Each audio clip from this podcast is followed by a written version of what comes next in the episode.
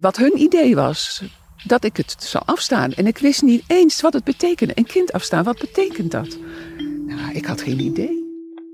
Trudy Schele-Gertsen is slechts één van de duizenden slachtoffers van de adoptiewet uit 1956, waar Trouw en Omroep Gelderland de komende dagen over publiceren.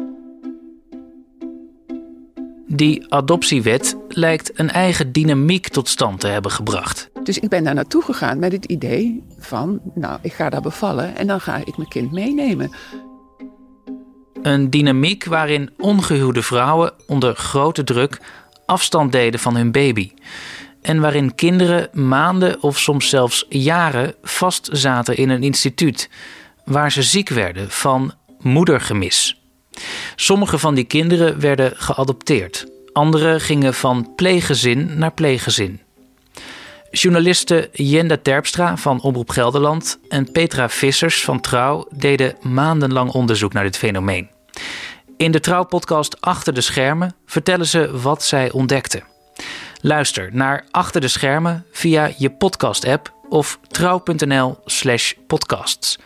Of via omroepgelderland.nl slash adoptie. Daar verschijnen ook alle artikelen.